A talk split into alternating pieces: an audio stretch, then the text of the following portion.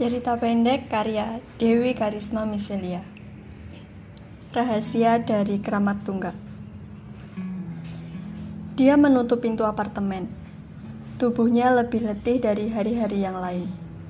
Tapi begitu melihat tumpahan bir dan botol-botol yang tergeletak di lantai Dan asbak dengan belasan puntung rokok di meja makan Dia merasa sanggup membanting apa saja. Saat membanting pintu kamar, dia sempat mendengar suara kasur reot. Genjotan demi genjotan, lenguhan demi lenguhan dari kamar sebelah. Sudah ratusan kali dia ingatkan ibunya untuk tak menjajakan tubuhnya di hunian mereka. Enam bulan lalu, kabar buruk itu datang di lapo langganan mereka. Saat dia sedang kusuk mengunyah babi panggang karo favoritnya. Bantu ibu, Pinta ibunya saat itu. Kita lunasi utang ke rentenir itu. Sambil mengunyah babi panggang, sang ibu dengan yakin ingin melanjutkan profesi lawasnya. Merasa tidak perlu memberi persetujuan, dia menyudahi obrolan itu. Ibu selesaikan urusan ibu sendiri. Ini bukan utang yang harus aku tanggung. Lamunannya terusik ketika perempuan itu memanggil nama Tuhan dari ruangan sebelah. Lantas berteriak kesetanan. Ibunya dan pelanggannya yang entah siapa kembali bergulat seperti hewan liar. Seperti malam-malam sebelumnya. Ibumu ini dulu primadona Kramtung. Ujar ibunya bangga saat dia beranjak dari kursinya. Kita bisa dapat banyak Dahinya mengernyit. Dia bisa menghidupi dirinya sendiri. Bahkan dialah yang selama ini membayar sewa rumah kontrakan mereka. Dapat banyak, dia tak merasa butuh lebih. Dia kepala gengsi meminta penjelasan bagaimana bisa ibunya berutang banyak. Dia merasa dialah yang selama ini bekerja paling keras. Yang dia tahu, dia tak ingin punya urusan dengan keramat tunggal. Meski tak betul-betul mengingat semua detail masa kanak-kanaknya di sana, dia tahu itu bukan masa-masa yang indah untuknya, juga untuk ibunya. Saat lebih dewasa, dia tahu bahwa keramat tunggal adalah mantra yang mewujudkan keajaiban Jakarta. Dengan duit dari lokalisasi itu, Gubernur membiayai sebagian pembangunannya. Dari jalan tol ibu kota sampai kompleks kesenian Taman Ismail Marzuki. Tapi baginya, segala polesan informasi dan pembenaran itu tak memperbaiki apa pun. Aku masih cantik dan tidak perlu kerja terlalu banyak. Tiga tamu sehari cukup untuk bayar hutang dan membiayai hidup kita. Ibunya masih berusaha memberi penjelasan. Kramtung itu masa lalu kita. Kita nggak kembali ke sana, tegas ibunya. Dan di sinilah mereka. Pindah ke tower apartemen yang disewa per bulannya di Kalibata. Dia terus menunjukkan keengganannya. Tapi seperti yang sudah-sudah, dia mengikuti keputusan ibunya. Untuk membayar biaya apartemen, dia harus merelakan tabungan biaya semesteran kuliahnya ludes. Sembari memaki dalam hati, dia pindah ke Kalibata dengan berbagai prasangka buruk. Dengan lidah pedasnya, dia sebut tempat itu Taman Hidung Belang. Tempat itu ramai, semua jenis manusia tinggal di sana. Para pekerja kantor, juga pedagang, juga pelajar, juga bandar, juga pekerja seks.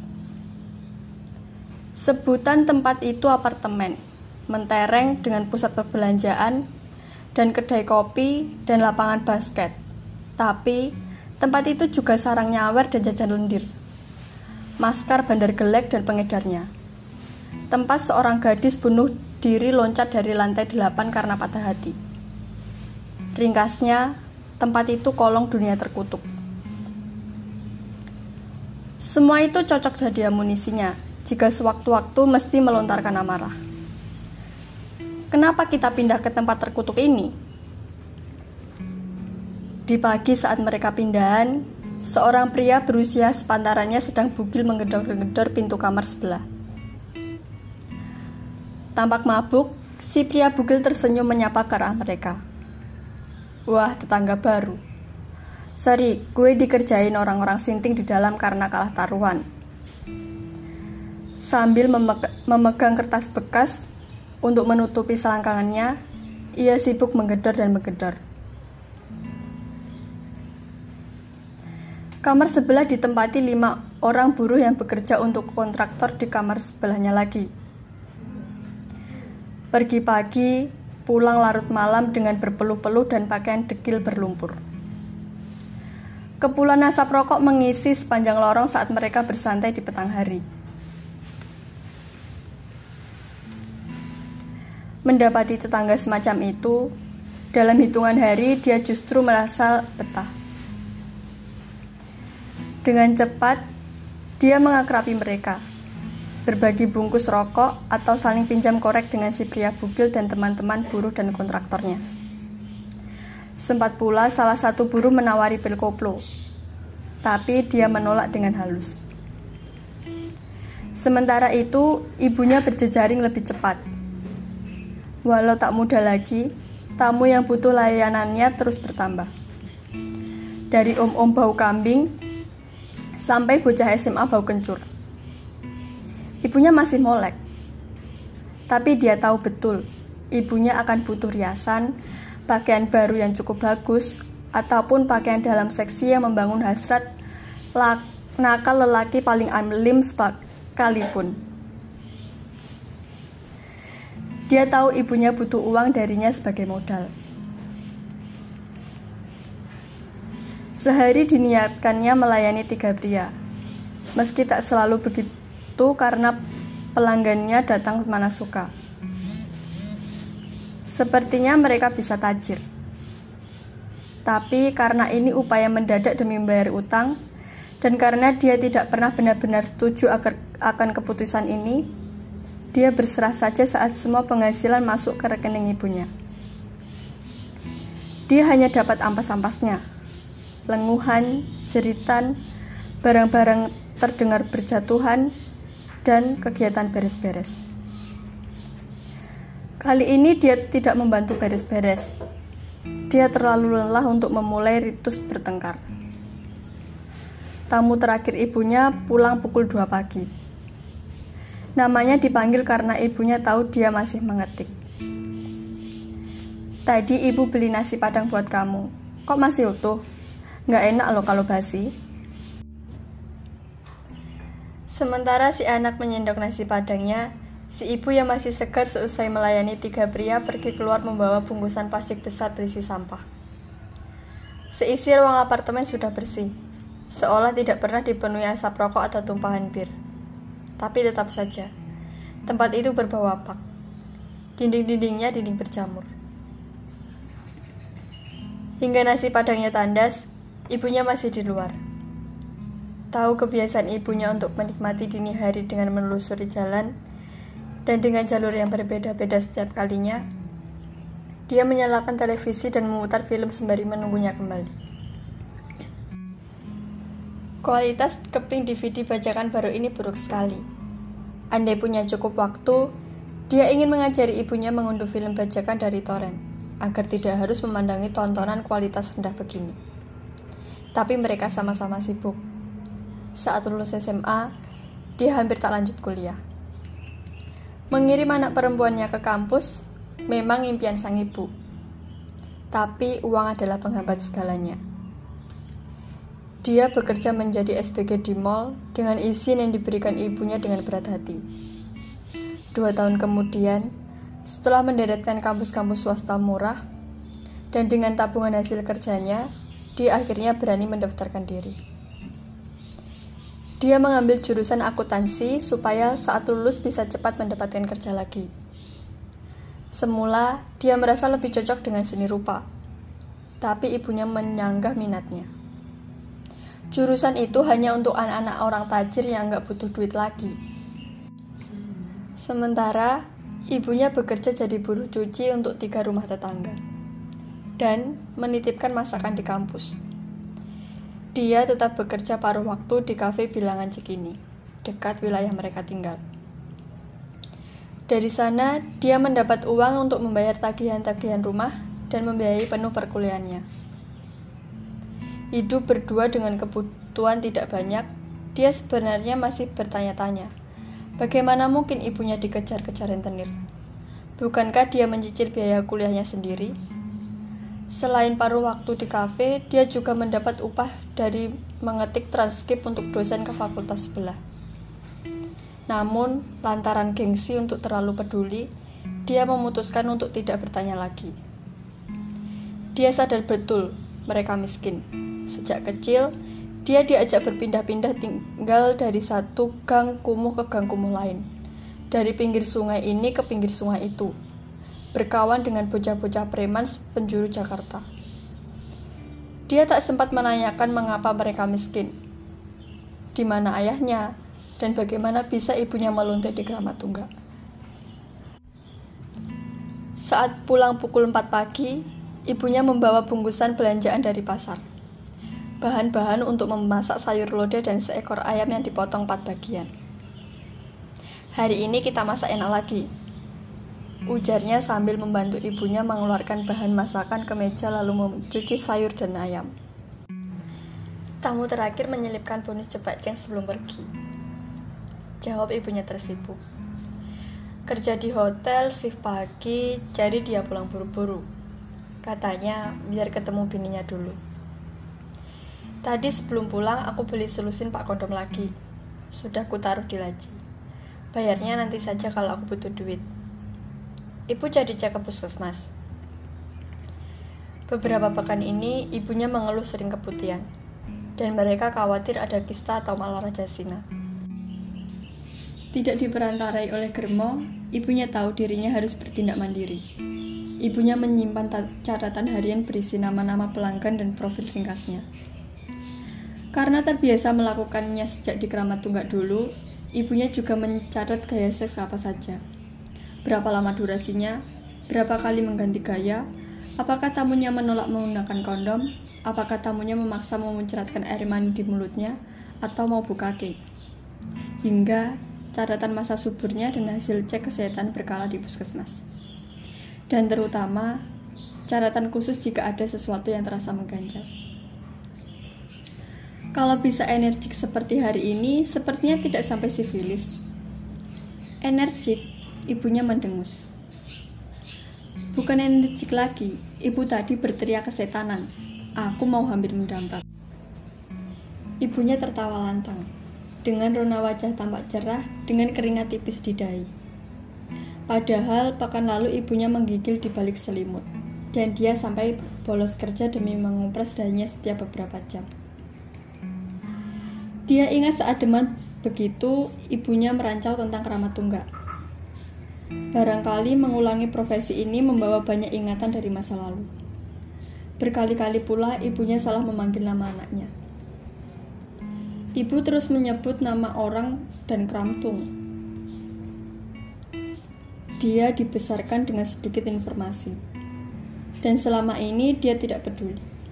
Tapi kali ini dia merasa ingin mendengar ibunya bercerita tentang masa lalunya.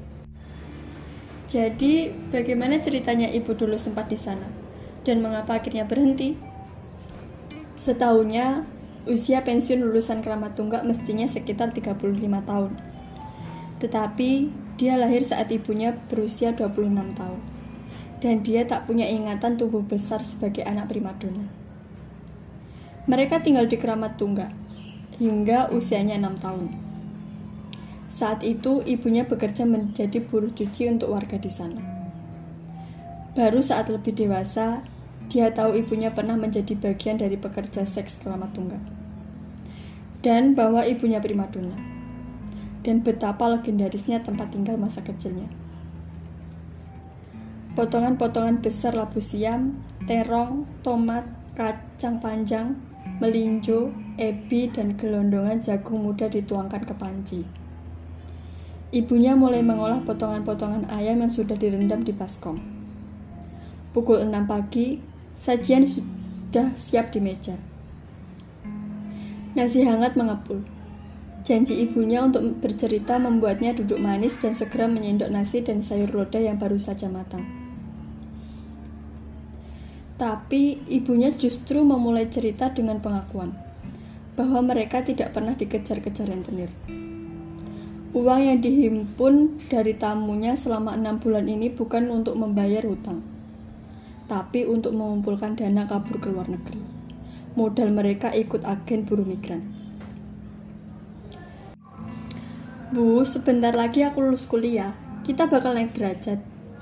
Aku bakal kerja di bank dan nanti gajiku puluhan juta sebulan. Buat apa lagi kita cari kerja ke luar negeri? Duit jadi buruh migran lebih tinggi, nak. Ujar ibunya. Ya, dan resikonya juga. Ibu nggak nonton berita ratusan TKW negara kita pulang tinggal nama. Banyak yang mati disiksa, banyak yang diperkosa. Begini, kamu ndak usah jadi pembantu. Ibu saja yang bekerja begitu. Kamu lanjut kuliah S2 atau cari kerja dengan ijazahmu. Dengan begitu kita malah bisa saling jaga. Kalau ibu mau duit banyak, ibu lanjut saja melonte dan lulus kuliah nanti aku bekerja di bank. Aman kan? Kita pindah. Bu, ayahmu. Ibunya akhirnya mengakui. Dia tahu kita di mana. Dia sinting dan dia melakukan segalanya. Ibu ndak mau menakut-nakutimu, tapi ibu yakin dia mau bunuh kita. Ayahnya, pria yang tak pernah ditemuinya sepanjang hidupnya. Beberapa kali dia bertanya, dan ibunya selalu menjawab dengan cerita berbeda. Terkadang dibilangnya ia bekerja jadi kontraktor keluar kota dan tak pulang-pulang lagi. Atau kabur menikahi perempuan lain. Dan kali terakhir sudah mati ditabrak truk. Dan sekarang ibunya tiba-tiba menghidupkan ayahnya dari kematian. Dia bukan Yesus kan? Aku nggak merasa kita perlu kabur dari laki pengecut.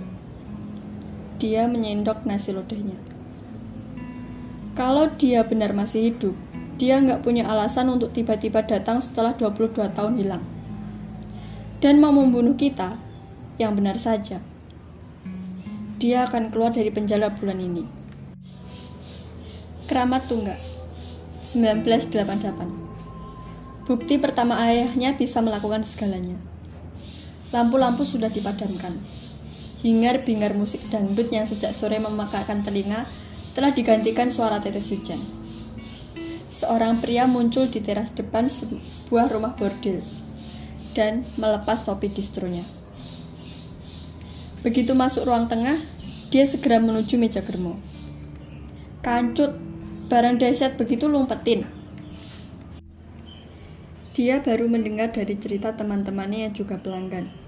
Seorang diva keramat tunggak baru diantarkan dari rumahnya di Indramayu. Orang tuanya di desa tertipu dan bangkrut. Dan dengan derai air mata, mereka terpaksa menjualnya. Sementara pekerja lain dari Kuningan, Cimahi, atau Sukabumi, banyak yang sudah janda. Si diva baru ini berusia 18 dan dia masih perawan. Teman si pria menjadi tamu pertama yang membayar mahal untuk darah perawan sang primadona. Perawan dan goyangannya juara. Buruan lo ke sana, lo telat dikit, nanti lubangnya tambah lebar. Germo berberapa, berperawakan gendut dan bermata sipit di hadapan pemuda itu tersenyum kecut. Kau saja yang sudah jarang mampir, hei. Sudah jadi bos, sekarang punya perempuan rumahan ya? Dasar anak kolong. Kok tidak dari dulu saja merumai aktris eksekutif? Rumah bordil di kompleks ini memang tak bisa disamakan dengan motel atau hotel mewah tempat pekerja sekelas atas. Tapi, rumah tempat ibunya bekerja adalah yang terbesar di sana. Dengan 20 meja dan 100 kursi tunggu, arena joget dengan lampu diskotik, dan musik dangdut yang tak habis-habis. Dan bar yang menawarkan berbagai jenis bir dan soda. Terkadang, orang hanya duduk-duduk saja menikmati bir. Maklum saja, harga minuman di sana lebih murah daripada di bar atau diskotik. Kamar-kamar itu sempit dengan ranjang besi dan kelambu yang kusam, dengan cermin di toilet yang dekil tak terurus. Handuk bekas tamu sebelumnya masih tergantung dan tidak langsung dicuci meski dipakai sekian kali. Bau pesing kencing, bir yang tumpah, dan asap rokok membaur di beberapa ruangan. Terkadang ada gendak dari salah seorang pekerja yang mabuk dan kesetanan karena cemburu mereka berani membunuh meski sudah dilarang membawa senjata tajam atau senjata api. Baru beberapa hari bekerja di sana, ibunya sudah menyaksikan orang tertusuk badik, tersungkur dengan darah berlumur dan rentetan usus keluar dari perut. Situasi bertambah kacau ketika petugas keamanan melepas tembakan dan raungan sirene ambulan terdengar mendekat. Jangan banyak cincong, sudah banyak yang pesan doi. Gue mau sampai pagi, Si Germo tahu tidak akan ada yang sanggup menolak pesona kemolekan perempuan Sunda Cina peranakan itu. Apalagi di Keramat Tunggal. Jarang tampil wujud amoy macam anak kesayangannya itu. Sudah mau tutup, dia sudah capek. Lagi pula dia laris. Sampai minggu depan saja. Kau masih perlu antre, he? Antre, antre. Ini dua sekebok. Berapa banyak lagi lo butuh? Bawa pulang duitmu, he. Mana mau aku kehilangan langganan. Kau lihat ini. Daftar panjang sampai minggu depan. Prosedur is prosedur, mister. Call 45 terkondang di pelipis si Germo. Berani lu bilang prosedur lagi. Papan berisi daftar nama tamu si Germo terjatuh di meja. Soal lelaki itu rajin merayu sebagai anak kolong persisnya anak jenderal. Germo seantero keramat tunggak sudah saling berkabar. Bahwa rumor itu bisa saja keliru, si Germo tak pernah bertanya. Lelaki itu toh kini memegang senjata. Sementara logam dingin itu masih di pelipisnya. Si Germo mengayunkan tangan dengan gemetar memanggil perempuan yang menontoni mereka di sudut ruangan. Prima dona keramat tunggak yang kala itu mengenakan daster tipis tembus pandang itu tidak gentar. Anehnya, dia justru merasa terpanggil oleh tamu yang berani memperebutkannya hingga mengokang senjata. Dan pertemuan pertama terjadi. Kisah itu dimulai dari uluran tangan perkenalan ibunya yang bersahabat, dan langsung dibalas dengan lumatan bibir dan dorongan ke tembok. Lalu ciuman bertubi di sekujur tubuh perempuan itu. Sementara si Germo masih mengamati dengan menggigil. Dan kuluman di tetek membuatnya melenguh lemah dan jatuh di pelukan si pria yang tanggap menuntunnya keranjang. Sentuhan malam itu adalah yang terganas, terliar, dan ternikmat yang pernah dirasakan ibunya. Dua jam tanpa henti, ditambah dua jam lagi, ujar ibunya lirih. Kesan pertama yang tak pernah dia temukan di pelanggan mana pun. Ibunya meringkas dalam satu helaan napas. Sekian purnama kencan di bawah temaram bulan di pelataran stasiun Senen, pagutan demi pagutan di bibir, dan lelucon-lelucon konyol yang mengundang tawa di balik becak yang mereka tumpangi. Setiap restoran mewah yang pernah mereka singgahi, dan ranjang yang semakin liar dari waktu ke waktu. Sejak berpacaran dengan lelaki itu, dia jadi jijik melihat tamu-tamu lain yang selesainya lama yang sesudahnya masih terkapar puas dan tidak mau cepat-cepat meninggalkan kamar. Karena itu, dia sengaja berlaku dingin kepada para kepada para tamunya. Tidak lagi dia memijat burung pelanggannya dengan minyak oles agar bisa tahan lama. Sudah dilupakannya kebiasaan keluar belanja ratus rapat bersama teman-temannya. Meski ada yang menawarkan Amorus atau Shanghai Lotion cuma-cuma padanya, dia menampik. Dia tak mengerti bagaimana bisa teman-temannya yang juga punya pacar atau malah memelihara genda masih bisa melayani tamu mereka dengan gelora hasrat yang sama. Tamunya bisa saja merasa puas dan moncrot hingga air maininya muncrat-muncrat membasahi kasur. Tapi dia tidak pernah lagi mengalami perasaan penuh itu selain dengan pacarnya. Saat sang tamu menjerit dengan puas, Dia hanya menatap kosong ke langit-langit kamar yang kehitam-hitaman, membayangkan wajah sang pacar. Banjir hadiah dari sang pacar. Berlusin-lusin kolor wakul dan behatrium, meski versi KW. Hadiah lipstik Mirabella dan daster tembus pandang sampai cuman mesra setiap singgah, membuatnya tak lagi kerasan bekerja di sana. Kali ini dia menarik napas. Cukup. Jangan cerita soal seknya, pintanya. Fokus di bagian jahatnya saja. Jangan bumbui cerita manis. Maka, ibunya segera melompat ke kisah dua tahun sesudahnya. Si Germo yang terkenal tidak pernah kalah beradu catur, kini terpaku di ruang tengah rumahnya. Hampir empat jam ia menghadapi bidak-bidak catur yang mengepung dari sana-sini. Sebungkus rokok kretek dan tiga cangkir kopi telah tandas dan ia tetap tak bisa bergerak. Skakmat. Malam itu ia terkalahkan, dan dengan refleks, si Germo memukul meja. Sebagai impasnya, si, semud, si pemuda tengi itu memboyong pulang diva kesayangannya. Ia punya 60 anak asuh, dan ia sanggup kehilangan siapa pun di antara mereka, tapi tidak yang satu ini. Apalagi yang memboyongnya adalah gendaknya. Manusia semakin lama semakin tak berguna. Yang kerjanya menipu, terkapar konyol di jalanan karena mabuk, main judi, dengan kontol yang melonte ke, ke sepenjuru keramat tunggak. Ia tahu anak asuhnya itu sering menggunakan hasil sawerannya untuk ngentot dengan si gendak. Dan sekarang ia pergi dengannya. Ambil air, ambil air, air. Perintahnya ke pesuruhnya.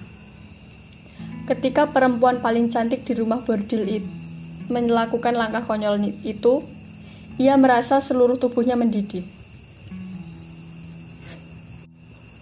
Tapi saat itu ibunya merasa sangat bahagia. Akhirnya dia bisa memilih jalan hidupnya sendiri. Ibunya dan si gendak lantas tinggal bersama. Dalam enam tahun rumah tangga yang dijalani dengan tumpahan nafsu yang semakin menjadi liar dan seakan tak berkesudahan. Jadi ibu memilih si gendak hanya karena puas ngewe dengan dia. Ibunya tersenyum masam. Di pelataran parkiran, di bioskop, di kolam renang Tirta Mas, di tangga rumah sakit, di belakang panggung tim, di belakang musola, di kakus gereja. Dia memejamkan mata dan mengangkat tangannya, tanda menyerah. Ibunya berhenti mendaftar tempat kencannya. Saat membuka mata, sambil, sambil menghela nafas berat, dia memastikan. Dan kalian tentu nggak pernah mengharapkan aku lahir. Ibunya menarik napas. Dia melotot jijik dan terhenyak mundur. Dia ingin punya anak. Dia menginginkan aku. Ibunya menggeleng. Syukurlah. Dia tidak pernah diinginkan oleh ayah yang tak pernah ada dalam hidupnya. Saat itu, mereka tetap mengontrak rumah di dekat keramat tunggal. Ibunya berhenti menjajakan tubuh dan mendukung keuangan rumah tangga dengan menjadi buruh cuci sementara si gendak semakin tak berguna. Ketika ibunya sangat menginginkan kehadiran seorang anak, dan gendaknya tak tertarik. Si gendak semakin betah di luar rumah dan justru sengaja berulah. Suatu kali, si gendak membawa beberapa perempuan dan memaksa mereka mengentot ramai-ramai. Di waktu lain, ia membiarkan ibunya digerayai lelaki lain untuk membayar utang si gendak. Di waktu lain, si gendak pulang mabuk mengendor-gendor pintu seperti kesetanan. Dan saat pintu terbuka, ia mutah di tubuh ibunya. Dengan setiap perlakuan dan perkataan si gendak yang tak bisa diatasi, diatasinya lagi, berkali-kali ibunya ingin pergi, tapi berkali-kali pula niatnya gagal. Ketika menyadari dirinya mengandung dan yakin akan diminta menggugurkan, ibunya semakin putus asa. Dia tahu anak anak yang dikandungnya bisa selamat dan dirinya bisa bebas. hanya jika si gendak mati atau masuk penjara. Dia meneguk sebanyak-banyaknya air di gelasnya. Jadi alasan dia bakal memburu dan membunuh kita karena ibu yang mengirimnya ke penjara. Apa yang ibu lakukan? Tragedi. Dengan caranya, terkadang memberi berkah. Suatu hari, si gendak pulang bersama temannya dalam keadaan mabuk. Temannya masuk ke kamar ibunya dan mengajaknya main. Ibunya menolak dan ibunya meronta dan tubuh gempal teman si gendak terus menindihinya. Teriakannya semakin kencang saat si gendak masuk dan menarik temannya. Si gendak terkejut telah menemukan temannya berlumur darah. Sebuah gunting tertancap di lehernya. Dia terkejut dan memandang ibunya lekat-lekat. Ibu membunuhnya. Dia mendapat jawaban dari pejaman mata. Mereka terdiam. Di piring mereka masih ada sisa nasi dan sayur lodeh yang belum dihabiskan. Hanya terdengar dengung pendingin udara dan detak jarum jam dinding yang mengisi keheningan. Dan ibu menuduh dia melakukannya. Kali ini, dia mendapat jawaban dari pelukan ibunya yang demikian erat. Pundaknya basah.